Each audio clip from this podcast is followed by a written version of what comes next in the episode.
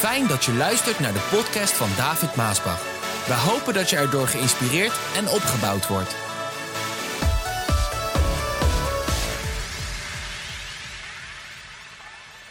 Ik ga iets zeggen over Gods gerechtigheid.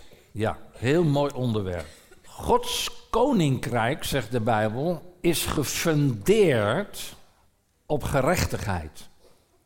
Daarom zegt Jezus ook: zoek mijn koninkrijk en mijn gerechtigheid, en alles zal u bovendien geschonken worden. Gods rechtvaardigheid eist gerechtigheid.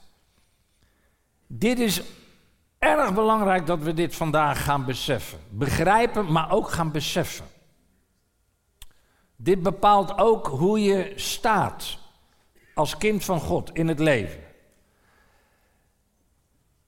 De wereld, althans in het Westen in ieder geval, die begrijpt enigszins iets van gerechtigheid. Ook niet alles, maar men probeert zoveel mogelijk gerechtigheid na te streven binnen het denken van de mens. Vandaar dat we rechters hebben, rechtspraak hebben en een rechtsstaat hebben. Maar Gods koninkrijk gaat nog veel verder dan dat. Gods koninkrijk is gefundeerd op gerechtigheid. Het staat en het valt met gerechtigheid en ongerechtigheid.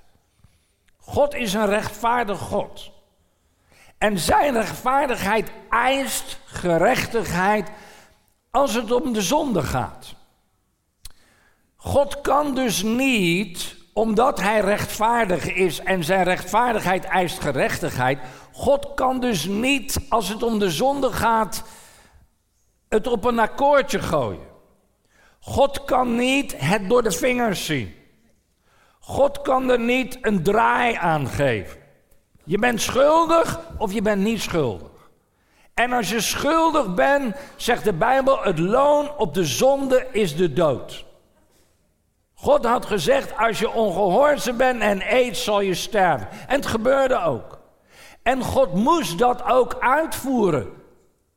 Want dat is gerechtigheid. Dat snappen wij niet altijd, omdat wij mensen zitten eigenlijk niet zo in elkaar. Wij hebben eigenlijk altijd wel iets van gerechtigheid en ongerechtigheid in ons. En als het dan, ja, laat ik zo zeggen, als het dan om anderen gaat, dan willen we gerechtigheid. Maar oh wee, als het bijvoorbeeld ons eigen gezin, kinderen of familie, dan gaan we al een beetje, dan gaan we al een beetje soepeler worden, flexibeler worden. Dan gaan we al een beetje anders praten, want ja, dan gaat het om je eigen kind. Dan gaat het om je eigen man of vrouw of familie. En, en dan worden we wat soepeler. Maar, maar God niet. God kan niet zo zijn. God is geen aannemer des persoons.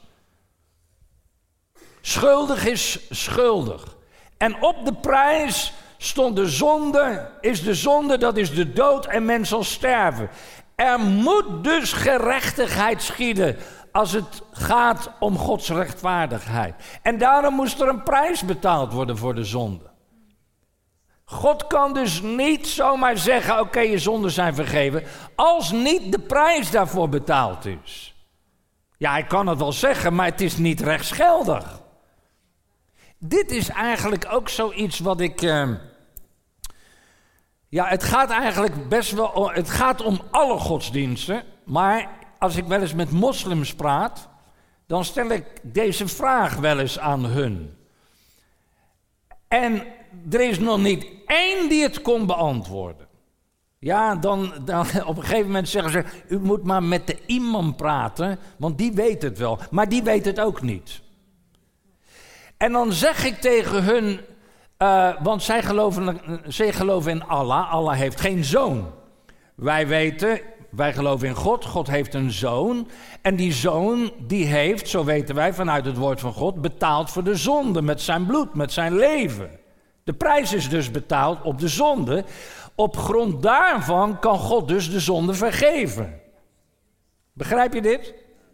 Wij hebben dus iets in het christendom wat alle andere godsdiensten niet hebben. Alleen het christendom heeft dat. En dan vraag ik en dan zeg ik, ja, uh, oké, ehm, jullie als moslims geloven toch ook dat jullie fouten hebben gemaakt in het leven? Ja, dat maken we allemaal, dat geloven ze ook. Daarom doen ze hun best om, uh, om uh, in dat paradijs te komen. En dan met zoveel maagden, er zit een heel, heel verhaal aan vast. Maar ze geloven dat ze allemaal gezondigd ook hebben. Ze geloven dat ze allemaal fouten hebben gemaakt. En dan vraag ik aan hen, dan zeg ik: Oké, jullie hebben fouten gemaakt. Dus eigenlijk ja, is het moeilijk om dan de hemel binnen te gaan. Ik doe dat, probeer het dan altijd netjes en met eh, respect en eerbied te doen. Hè? En dan uh, zeg ik: Ja, uh, maar Allah heeft eigenlijk nooit iets gedaan waarop hij jullie fouten kan vergeven. Nee, dat is niet nodig, zeggen ze dan. Zeggen ze bijna allemaal. Want Allah is God, die, die vergeeft gewoon. En dan zeg ik, ja, maar op grond van wat kan hij dan vergeven? En dan gaat het verhaal een beetje dieper, weet je wel. Want dan kom ik ook, kom ik ook op het rechtssysteem. Dat dan zeg ik, ja, maar hoe zit het dan hier op aarde ook? Bijvoorbeeld als jij... Uh, uh, een, een, een, fout maakt, echt een fout maakt, en je staat voor de rechter, dan kan de rechter hier toch ook niet gewoon zeggen: Nou, uh, ik vind jou mooie ogen heb je, aardig je best gedaan hier, vergeven, laat maar zitten. Nee, dat kan niet. Ik zeg, maar dat kan dan toch Allah ook niet? Ja, Allah wel. Zo kom je er eigenlijk al niet meer uit, hè? Maar ik begrijp waar het om gaat. En helaas, de personen dan bid ik maar dat de Heilige Geest doorwerkt in het vragen eh, van, ja, maar op grond van wat vergeeft jouw God, welke God het dan ook is, op grond van wat vergeeft jouw God jou dan? Ofwel, rechtvaardigt jouw God jou dan, zodat je voor God kan staan. Want ze geloven natuurlijk allemaal in een God en dat ze allemaal voor hem zullen staan. Maar rechtvaardiging betekent dat je voor God kan staan zonder het gevoel van schuld. Dat betekent rechtvaardiging. Je bent gerechtvaardigd, je bent vergeven, je bent gerechtvaardigd, zodat jij voor God kan staan zonder het gevoel schuldig te zijn. Dat kan dus niet als je voor, voor een God staat die alleen maar zegt je bent vergeven, maar de prijs is daar niet voor betaald. De Bijbel zegt we hebben allemaal gezondigd en komen daardoor de hemel niet in. Alle mensen hebben fouten gemaakt. U, ik, iedereen. En daarom kunnen we de hemel niet binnengaan, want we zouden nooit voor God kunnen staan als onze zonde niet vergeven is. Want God is rechtvaardig. Zijn gerechtigheid, dat is waar zijn hele koninkrijk op is gebouwd. En hij zegt, we hebben gezondigd. En daardoor komen we de hemel niet binnen. Nou, de, de traditionele kerk, die gaat hier ook mank in. En daarom ben ik zo blij met deze boodschap vandaag. Want ik wil u dit laten zien, zodat u open ogen gaan. En niet alleen dat, maar dat u beseft wie u bent in Christus. En dat u zo gaat denken en ook zo gaat praten. Want dat doet bij lange na niet iedereen. En de kerk geeft hier, de traditionele kerk, geeft hier geen antwoord op. Want ziet u, waar de traditionele kerk heel goed in is en is geweest al die jaren, en zeker de katholieke kerk, en daar, daar, er zijn meer dan een miljard katholieken op deze wereld, zo praten over een groot aantal mensen. De kerk is heel goed geweest om de mensen te vertellen hoe zondig we zijn. Ze zijn door al die jaren heel goed geweest om de mensen te leren hoe gebrekkig we zijn. Hoe zwak we zijn. Uh, als je die liederen ook beluistert en, en uh, de woorden daarvan leest, dan, dan, dan is dat allemaal gebaseerd op onze zwakheid. Op onze zonde. Dat we niet waardig zijn. Dat klopt ook. Want we hebben gezondigd. En we zijn zwak. En we maken fouten. En we moeten ons kruis dragen. Want daar komen al die, die spreuken ook vandaan. Ieders huis heeft zijn kruis. We moeten allemaal onze lasten dragen. Als je ook naar zo'n samenkomst gaat, en ik ben er geweest in traditionele kerken, luister, ik kom er nog meer bezwaard uit dan dat ik erin ga. Waarom? Omdat het alleen maar is hoe zwak we zijn, hoe, hoe nietig we zijn, hoe verkeerd we zijn, hoe we tekortschieten, hoe we gezondigd hebben, hoe zwaar de last van de zonde is. En alles wat de kerk leert, is dat maar na de dood, als we geloven, als we geloven, dan worden we voor het vage vuur weggehaald, gered, en dan worden we vergeven. En dan komen ze met al die geweldige dingen over de hemel. Het is allemaal na de dood. Dat is ook de manier waarop ze zingen. Het is allemaal, allemaal mineurstemming. Zware psalmen. Ik vind dat niet prettig. En het is ook niet waar. Het is niet waar. Maar dat is wel zoals de wereld ook naar het christendom kijkt. Die ziet geen gelukkige mensen. Die ziet geen blije mensen. Die ziet geen fluitende, zingende mensen. En ik ben zo blij dat de Bijbel juist iets anders leert. En dat is de waarheid. Ik zal gewoon eens even een paar van die teksten lezen. En dan gaat u zien dat wat ik zeg waar is. En dat de Bijbel ons iets anders leert. Hij leert jou iets anders. Dat als jij naar de kerk gaat, dan ga je anders naar de kerk. En als je uit de kerk gaat, ga je ook anders uit de kerk. Waarom juist de samenkomsten in het huis des Heren opwekkingsdiensten moeten zijn? Waarom je juist blij moet kunnen zijn? Waarom je juist gelukkig kan zijn? Waarom je juist vrede kan hebben, rust kan hebben, blijdschap kan hebben, overwinning kan hebben? Heel anders dan de traditionele kerk. En de wereld weet dit ook niet. Daarom moeten we het hun vertellen. Ik lees in Colossense 2, vers 10. In Christus ben je dus volmaakt. Als ik zeg jij bent volmaakt, dat is niet waar. In Christus ben jij volmaakt. Dat is waar. Hallo. In Christus ben je dus volmaakt. Want hij is de hoogste heerser en autoriteit over elke macht. In Christus ben je volmaakt. In Christus ben je sterk, want Hij heeft elke autoriteit over alle machten, ook van de boze. Romeinen 8, vers 37. Maar onder al die omstandigheden, welke? Wel, de moeite, de lasten, de zwakheid, de zonde, de, de, het verdriet, de, al die dingen die ik net opnoem, waar de kerk zo goed in is om dat te benoemen. En dat we daar onder die last gebukt gaan.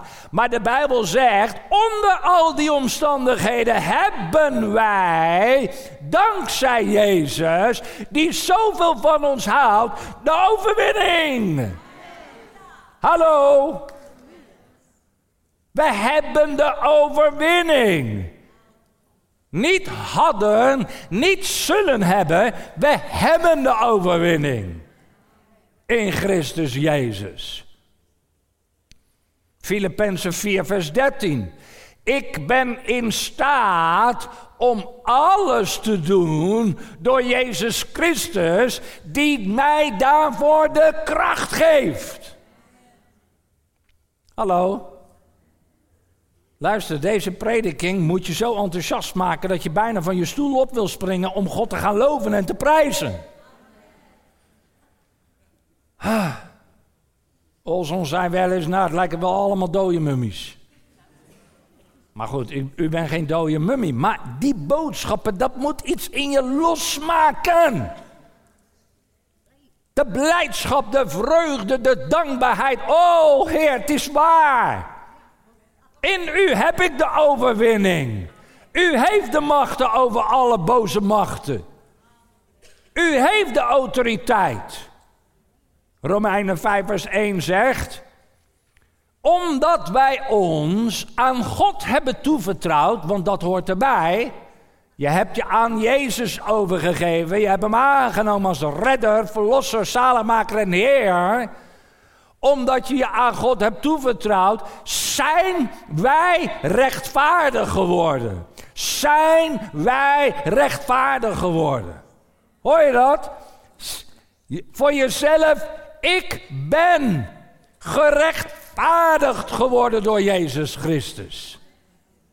Ik leef niet meer onder het juk van de zonde. Ik leef niet meer als een slaaf. Ik ben gerechtvaardigd geworden. Dat is iets wat je niet leert in de traditionele kerken. Laat staan in de wereld. Laat staan bij andere godsdiensten. De, zoals met Allah de moslims kunnen dat niet zeggen, ik ben gerechtvaardigd geworden. Op grond van wat zijn ze dan gerechtvaardigd geworden? Alleen omdat Allah zegt, je zonden zijn je vergeven? Dat kan niet. Je kan niet zomaar iets vergeven, ook al ben je de hoogste. Ook al ben je God. Dat kan niet. Er moet een prijs betaald worden. Dat is rechtvaardigheid. prijs moet betaald worden. En die is betaald door Jezus Christus. Oh, halleluja. Dat maakt ons heel anders dan alle andere gelovigen in deze wereld. De prijs is betaald. Ik ben gerechtvaardigd geworden. En ik leef nu, nu in vrede met God. Ik leef nu in vrede met God dankzij Jezus. Niet straks, nu. Niet na de dood, nu. Dat is een groot verschil. Daarom horen we zo anders op te gaan naar het huis des Heren als vele anderen. Ik ga niet met een last van zonde op weg naar het huis des Heren. Daarom, vanwege dit, ga ik met gejubel en gejuich. Kom ik zijn hof binnen met lof. Oh, halleluja! Ik ben gerechtvaardigd geworden. Mijn zonden zijn vergeven. Ik leef in vrede met God. Zo is het. Ook voordat je naar de kerk gaat. Wij horen zo heel anders op te gaan naar het huis des Heren als degene die niet beseffen wie zij zijn in Christus. En hoe God hen ziet. Kijk, dat er hele meute mensen zijn die ons leren dat er geen God is, wil nog niet zeggen dat er geen God is. Hoor je dit? Er zijn vele predikanten in de traditionele kerk die ook niet in God geloven. Maar dat wil nog niet zeggen dat God niet bestaat. God bestaat. Dat er velen zijn die niet geloven in een hel, wil nog niet zeggen dat er geen hel is. De hel bestaat. Dat er velen niet geloven, ook binnen de kerk, dat er geen zonde is, wil nog niet zeggen dat. Er, waarom is er dan zondebesef? Als er geen zonde is, is er ook geen zondebesef. Maar er is zondebesef, omdat er zonde is. En omdat er zonde is, is er een hel. Is er een duivel. Maar, prijs de Heer, God heeft afgerekend met de zondemacht. Hij heeft een oplossing gegeven om af te rekenen met de zondemacht. Hij heeft gedaan wat niemand anders kon doen door de prijs te betalen en ons te rechtvaardigen, zodat wij voor Hem kunnen staan zonder het gevoel van schuld. Ja, dat is zeker heerlijk. Maar velen beseffen dit niet. Daarom gaan zij door het leven belast met een zondebesef, met een zondeschuld. Ze zijn niet wie Christus is. Ze zijn niet degene die God zegt dat ze zijn. Omdat ze het of niet weten of niet beseffen. Maar ik ben vergeven. Mijn zonden zijn weggewassen, weggedaan.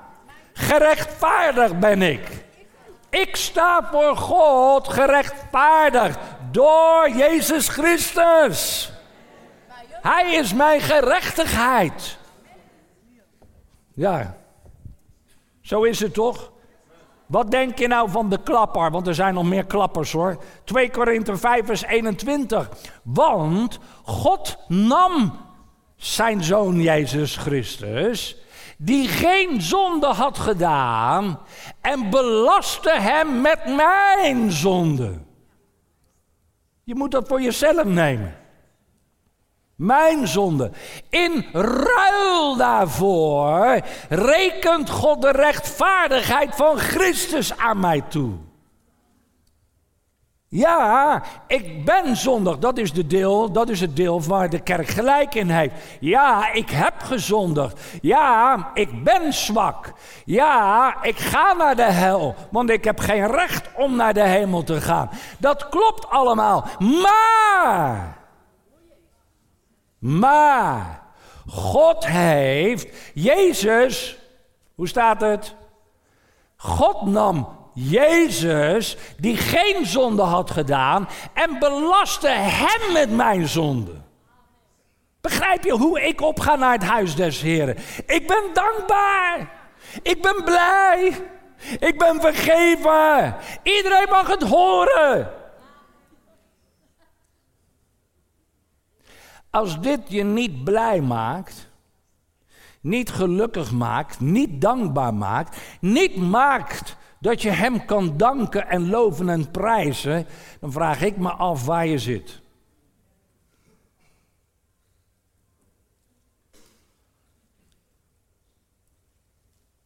Of je bent niet een nieuwe schepping, of je beseft het niet. Een van die tweeën. Want je bent gered of je bent niet gered. Je bent een nieuwe schepping of je bent geen nieuwe schepping.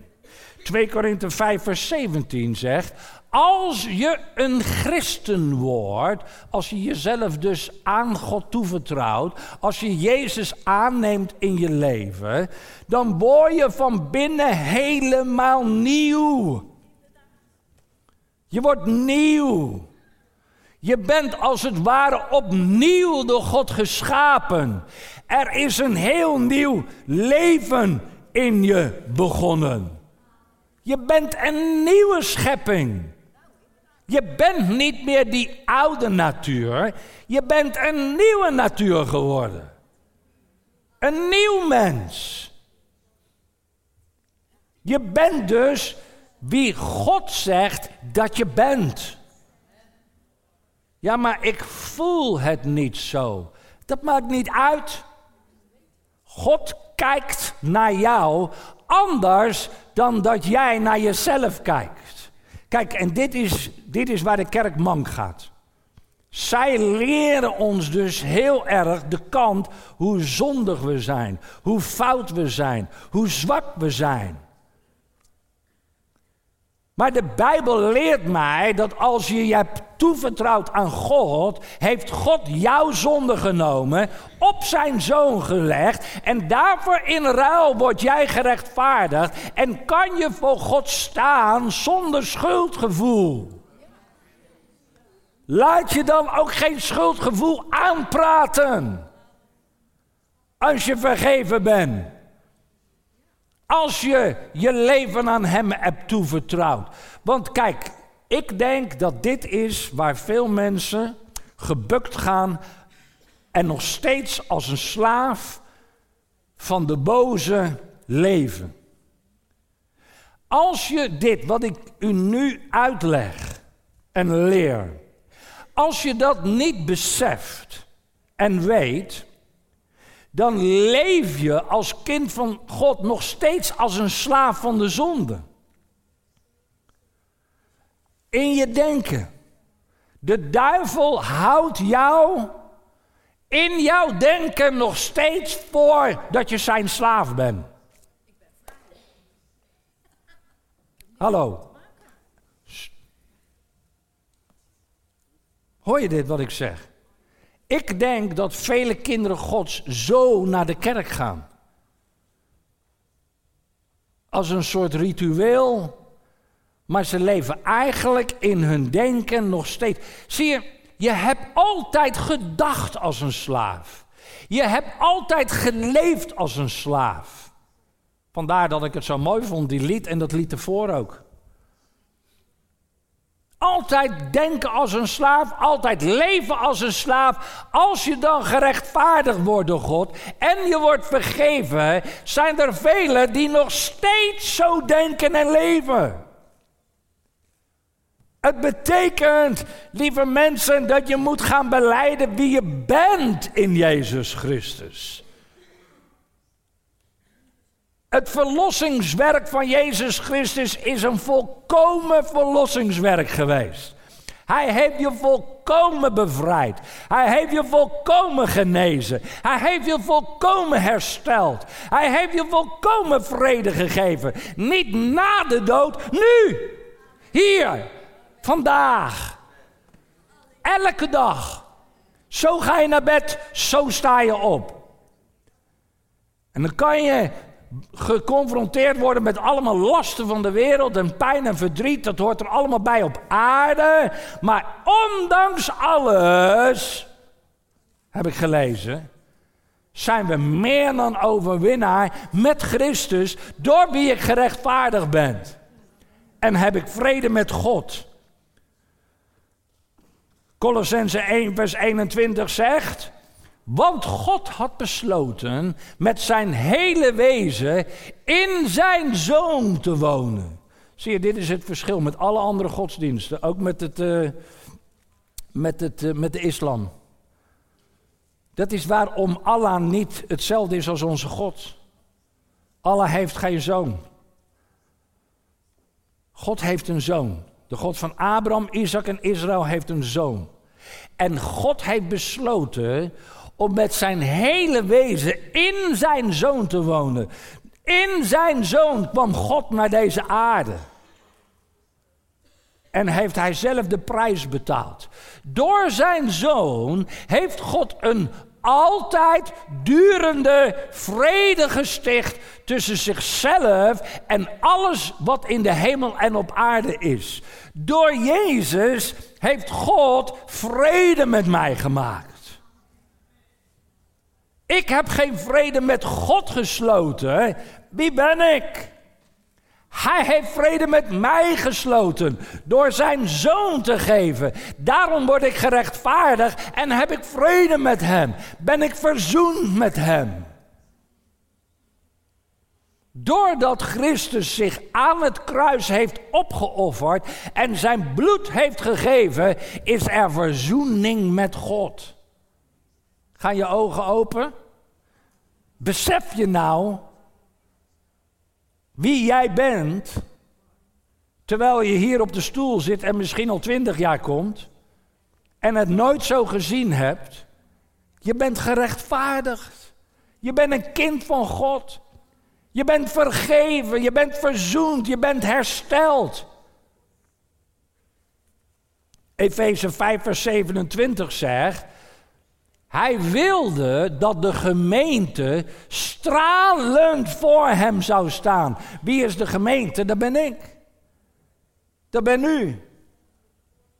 Hij wilde dat de gemeente, dat David, stralend voor hem zou staan. Volmaakt, zonder vlek of rimpel. Zij moest heilig en zuiver zijn.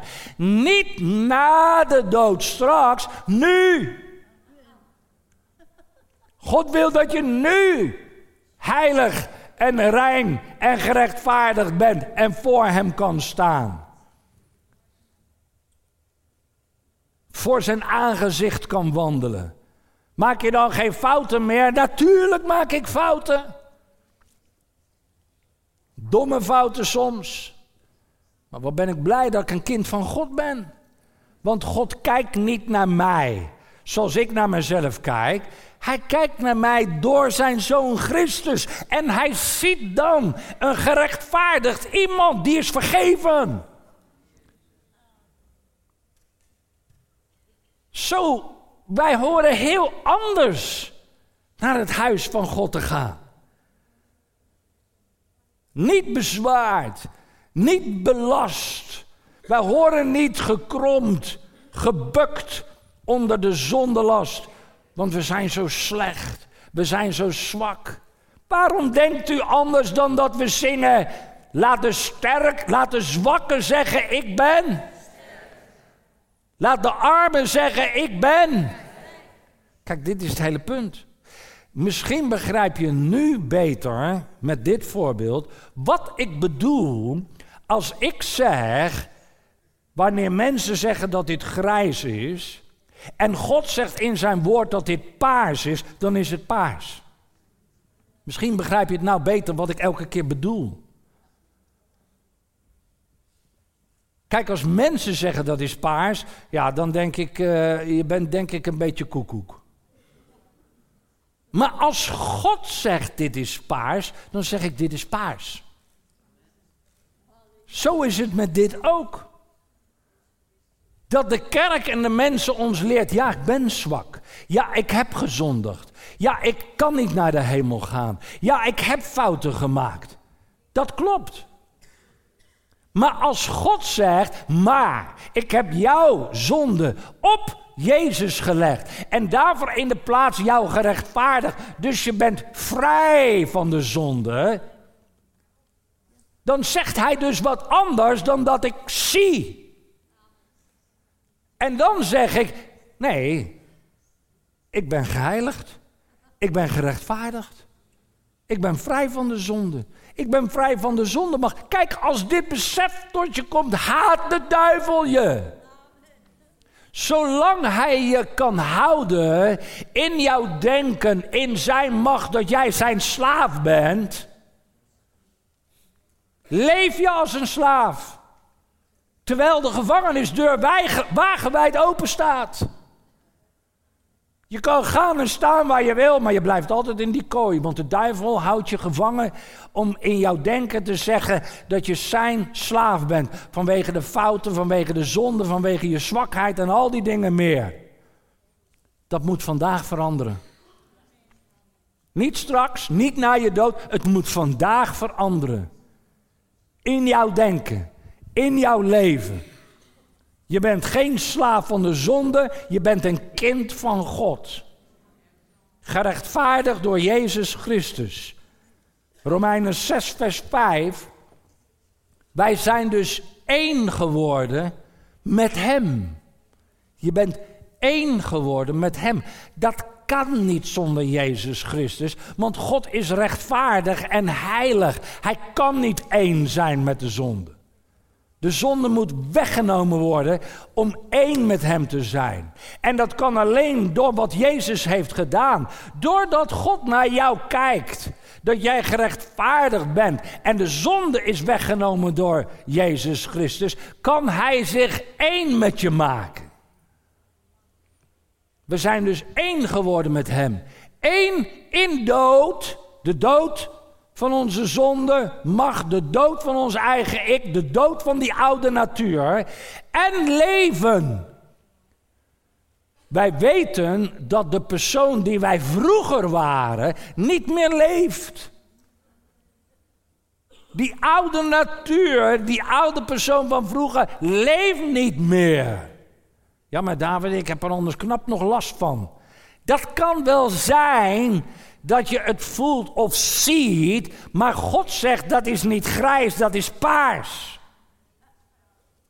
Dus het kan wel zijn dat je dat voelt, dat je er moeite mee hebt, maar God zegt die is dood. Ik kijk naar jou waar die andere persoon dood is. Niet meer leeft. Die is met Christus aan het kruis gestorven. Toen jij je liet dopen door onderdompeling, heb je je oude leven afgelegd. En ben je opgestaan in het leven met Christus, in die nieuwe natuur. Zo is er afgerekend met het wezenlijke van de zonde. Zo heeft God afgerekend met die macht van de zonde. De zonde heeft dus niets meer over jou te zeggen. Laat hem daarom jou niet intimideren alsof je nog zijn slaaf bent. Ook al heb je er last van, ook al voel je dat. Je bent niet zijn slaaf meer. Dat moet je geloven, je moet zo denken en je moet zo praten. En dan denken anderen dat je gek bent. Nee, dit is paars. God zegt dat het paars is. Zo wat God zegt, zo is het. Ik ben degene die God zegt dat ik ben. De zonde heeft geen macht over een dode. Als wij met Christus gestorven zijn, geloven wij dat ook met Hem zullen leven.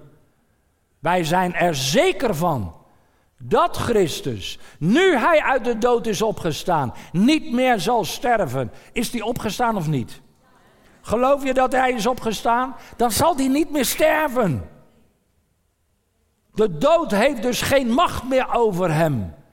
Door zijn sterven heeft hij de macht van de zonde eens en voor altijd gebroken. Jezus heeft de macht van de zonde gebroken. Ook in jouw leven.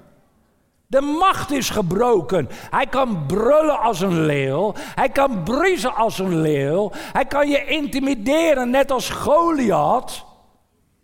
Maar de macht is verbroken.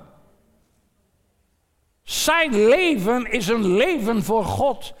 Luister, beschouw jouzelf daarom als dood voor de zonde. Beschouw jezelf daarom dat je dood bent voor de zonde. Dat die macht geen macht meer over je heeft. Omdat je één bent met Jezus Christus, leef je nu voor God. Ah, mooier kan ik het niet vertellen. En dit is de waarheid. Zo vanaf vandaag anders denken. Vanaf vandaag anders praten. Vanaf vandaag anders leven.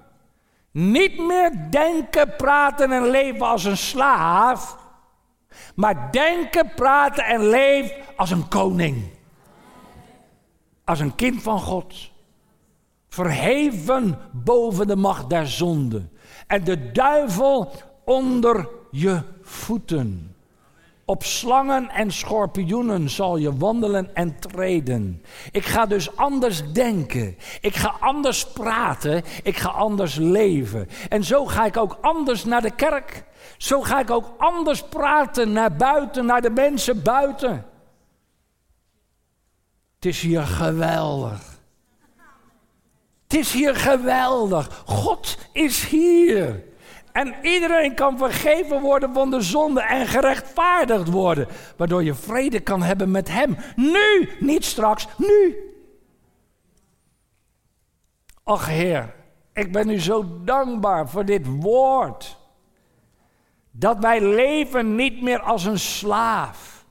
We denken niet meer als een slaaf. We praten niet meer als een slaaf. Ik ben een koninklijk kind, door de Vader bemind en zijn oog rust op mij. Ik ben vergeven van mijn zonde. Ik ben vergeven van mijn zonde. Jezus Christus is mijn gerechtigheid. Ik ben gerechtvaardigd voor God. Ik mag voor u staan vandaag zonder gevoel van schuld.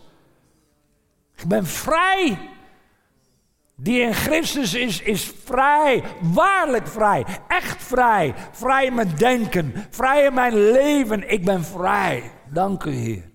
Dank u voor deze dag. Laat deze waarheid, het denken van uw kinderen vandaag vastgrijpen, wortelen en, en vrucht voortbrengen in hun denken, in hun wandel, in hun handel, in hun doen en laten. Opdat we echt op kunnen gaan naar uw huis met gejubel en gejuich. En komen in uw hof met lof, heren. Ik ben geen slaaf meer. Nee, ik ben geen slaaf meer. Ik ben een koninklijk kind. Ik ben een koning. Halleluja. Zo zal ik leven. Zo zal ik praten. Zo zal ik denken. En zo zal ik ook mijn kinderen opvoeden. In Jezus' naam. Amen.